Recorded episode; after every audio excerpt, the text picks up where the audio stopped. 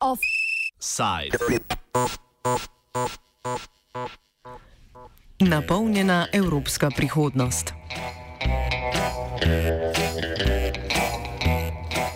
Danes je na Kemijskem inštitutu potekala predstavitev evropskega projekta za razvoj baterij Battery 2030.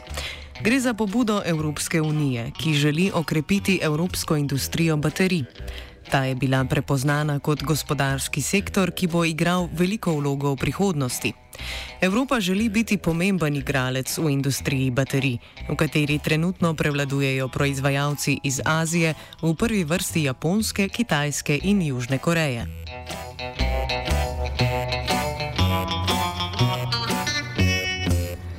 Bruslju so prišli do spoznanja, da je izziv prevelik in preveč pomemben, da bi ga prepustili prostemu trgu. Zato bo EU lansirala tri razvojne programe. Battery 2030 Plus je namenjen bazičnim raziskavam. Na bolj aplikativni stopni bo razvoj podpirala inicijativa Batteries Europe. Za industrializacijo razvitih tehnologij pa je Evropska unija začela projekt European Battery Alliance. Razlaga Robert Dominko, ki sodeluje tudi pri pripravi razpisov pobude Battery 2030 Plus. Battery Alliance je praktično neka platforma, uh, v bistvu obstaja Battery 2030, plus, potem za Battery 2030 plus pride uh, Battery, Batteries Europe, ki je zopet platforma, ki bo omogočala prenos znanja iz teh bazičnega znanja uh, do nekih uh, pilotnih prototipov.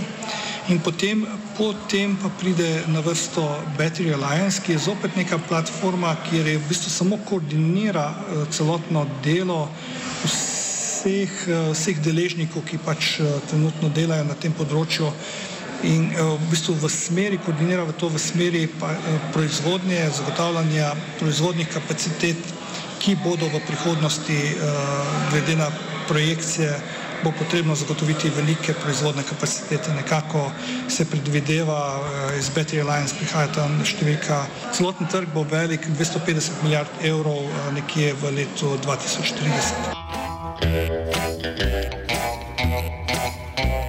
Gre za enega najbolj prioritetnih ciljev Evropske unije, ki ima na voljo tudi temu primerne finance.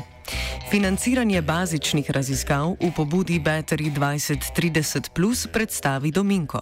Trenutno še končna slika ni znana, eh, kakšno bo financiranje oziroma kakšna bo struktura financiranja vendar govori se o sredstvih med pol milijarde in eno milijardo evrov v desetih letih, pri čemer naj bi bila soudeležba članic eh, in pridruženih članic eh, Evropske komisije nekje polovična. Vsaj na začetku bo največji delež sredstev prihajal iz Bruslja. Kot je bilo omenjeno iz strani ministrstva, je ta udeležba na začetku, ko so na vrsti bazične raziskave, je v bistvu financiranje bolj kot ne uh, iz strani komisije. Potem pa, ko, uh, ko določeni projekti prehajajo v više, v, na više nivoje, bližjo, bliže industrializacije, potem je pa potrebna sodeležba bodi si uh, držav članic ali pa privatnega kapitala. Baterije so postale še posebno vroča tema s prihodom električnih avtomobilov. Po drugi strani se bo v prihodnosti pojavila velika potreba po baterijah v proizvodnji in distribuciji elektrike. Obnovljivi viri energije, v prvi vrsti sončna in veterna energija, so namreč zelo nestanovitni. Zato bo treba v električnem omrežju zagotoviti velike zalogovnike energije, ki bodo uskladili nihanja v proizvodnji elektrike. Kot je povedal Dominko, sodobne baterije, ki so bile razvite za mobilne naprave, niso primerne za takšne naloge. To je tehnologija, kjer v bistvu z majhnim izboljšavam danes omogoča električni mobilnosti, da prosperira, vendar pa ne bo omogočala širokega, eh, širokega razmaha eh, električne mobilnosti. Eno je zaradi, eh, v bistvu, ker ni okoljsko zdržna, drugo pa, ker ni v bistvu tudi dovolj vseh elementov v naravi, ki pač to tehnologijo trenutno poganjajo. Baterije bodo torej v prihodnosti postale resnično velik posel, od katerega bodo odvisni številni drugi gospodarski sektori. To je že pred časom, naprimer, spoznala Kitajska, ki domačo industrijo močno podpira z različnimi državnimi projekti. Battery Alliance, ki je bil prvič predstavljen pred dvema letoma, naj bi bil evropski odgovor. Na prvih predstavitvah so v Bruslju pogosto izpostavili primerjavo z letalskim proizvajalcem Airbus, v katerem se je v 70-ih letih združila evropska letalska industrija. Airbus je v naslednjih dveh desetletjih zlomil ameriško prevlado v proizvodni komercialnih letal. Kasneje projekt Battery Alliance ni sledil modelu Airbusa in se je razvil v bolj razdrobljeno industrijsko pobudo. Znotraj Battery Alliance so se organizirale določene interesne skupine, ki so načelno so organizirane kot Airbus, ker to so sodelovanja različnih velikih gigant, industrijskih gigantov po zahodnoevropskih državah. Se pravi, nekaj v tej smeri se je naredilo, ne? je pa kot je v Evropi ponavadi, so tudi svoje eh, posamezne članice, imajo svoje strategije. Posamezne države članice se še vedno precej zanašajo na svoje lastne strategije, pri tem pa so med državami precejšnje razlike. Tukaj najmočnejšo strategijo imajo zagotovo Nemci, eh, trenutno jim zelo dobro sledijo Švedi, eh, tudi Francozi, medtem ko pa nekatere države pa so nekako še niso zaznale te poslovne priložnosti, da bi uh, močneje oziroma bolj, uh, bolj uh, tesno pristopile k tej inicijativi oziroma Battery Alliance, tej zavezi in uh, pripomogle k uresničitvi cilja, da imamo neko baterijsko proizvodno v Evropi. Battery Alliance na drugi strani izhaja iz dejstva, da evropskim podjetjem te industrije ni uspelo razviti z lastnimi silami. Evropska komisija eh, se že nekje zadnjih pet let sprašuje, ali mi potrebujemo eh, industrijo ali ne. Potem, uh, bili so primeri uh, nekih joint venturev, se pravi nekih združenih uh, inicijativ med azijskimi in evropskimi tovarnami, uh, ki so se večinoma nesrečno klavrno končale ravno zaradi nezaupanja enih do drugih.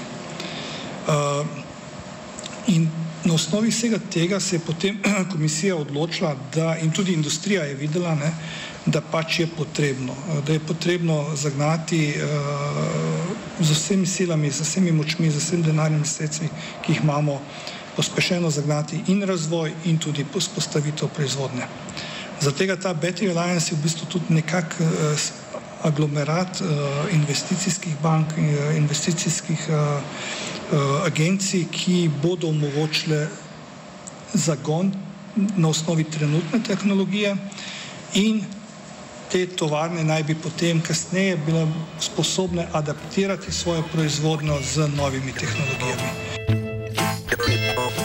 Velika ovira pri nastanku evropske industrije baterij je to, da za kaj takega v Evropi ni industrijske baze. Ta ne vključuje zgolj tovaren, ampak tudi tehnološko bazo raziskovalnih institucij, strokovni kader in tehnološko ozadje dobaviteljev sestavnih delov in tovarniške opreme. Je, v Evropi je zadeva takšna, da trenutno mi nimamo niti usposobljenega kadra, ne, ki bi raziskovalci smo na voljo, ampak recimo usposobljen kader, ki bi lahko vodil proizvodno tega v Evropi nimamo.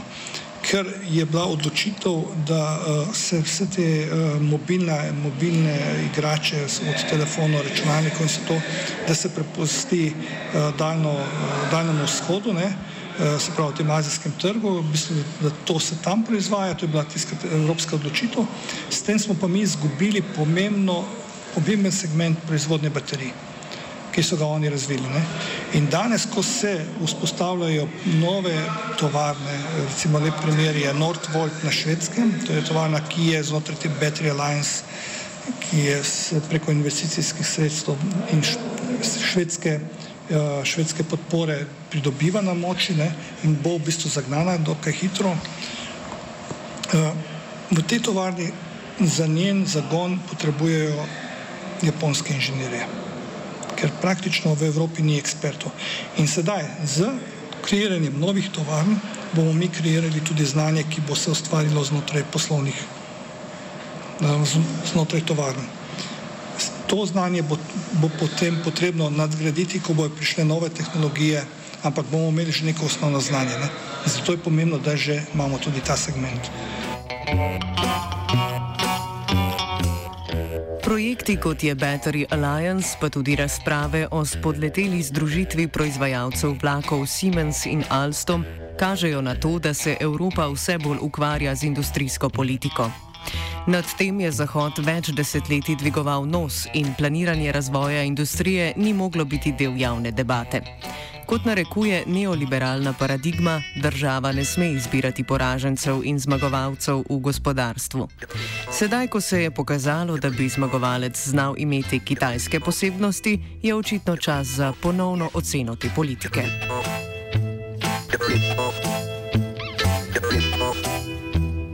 Offside je pripravil Gal.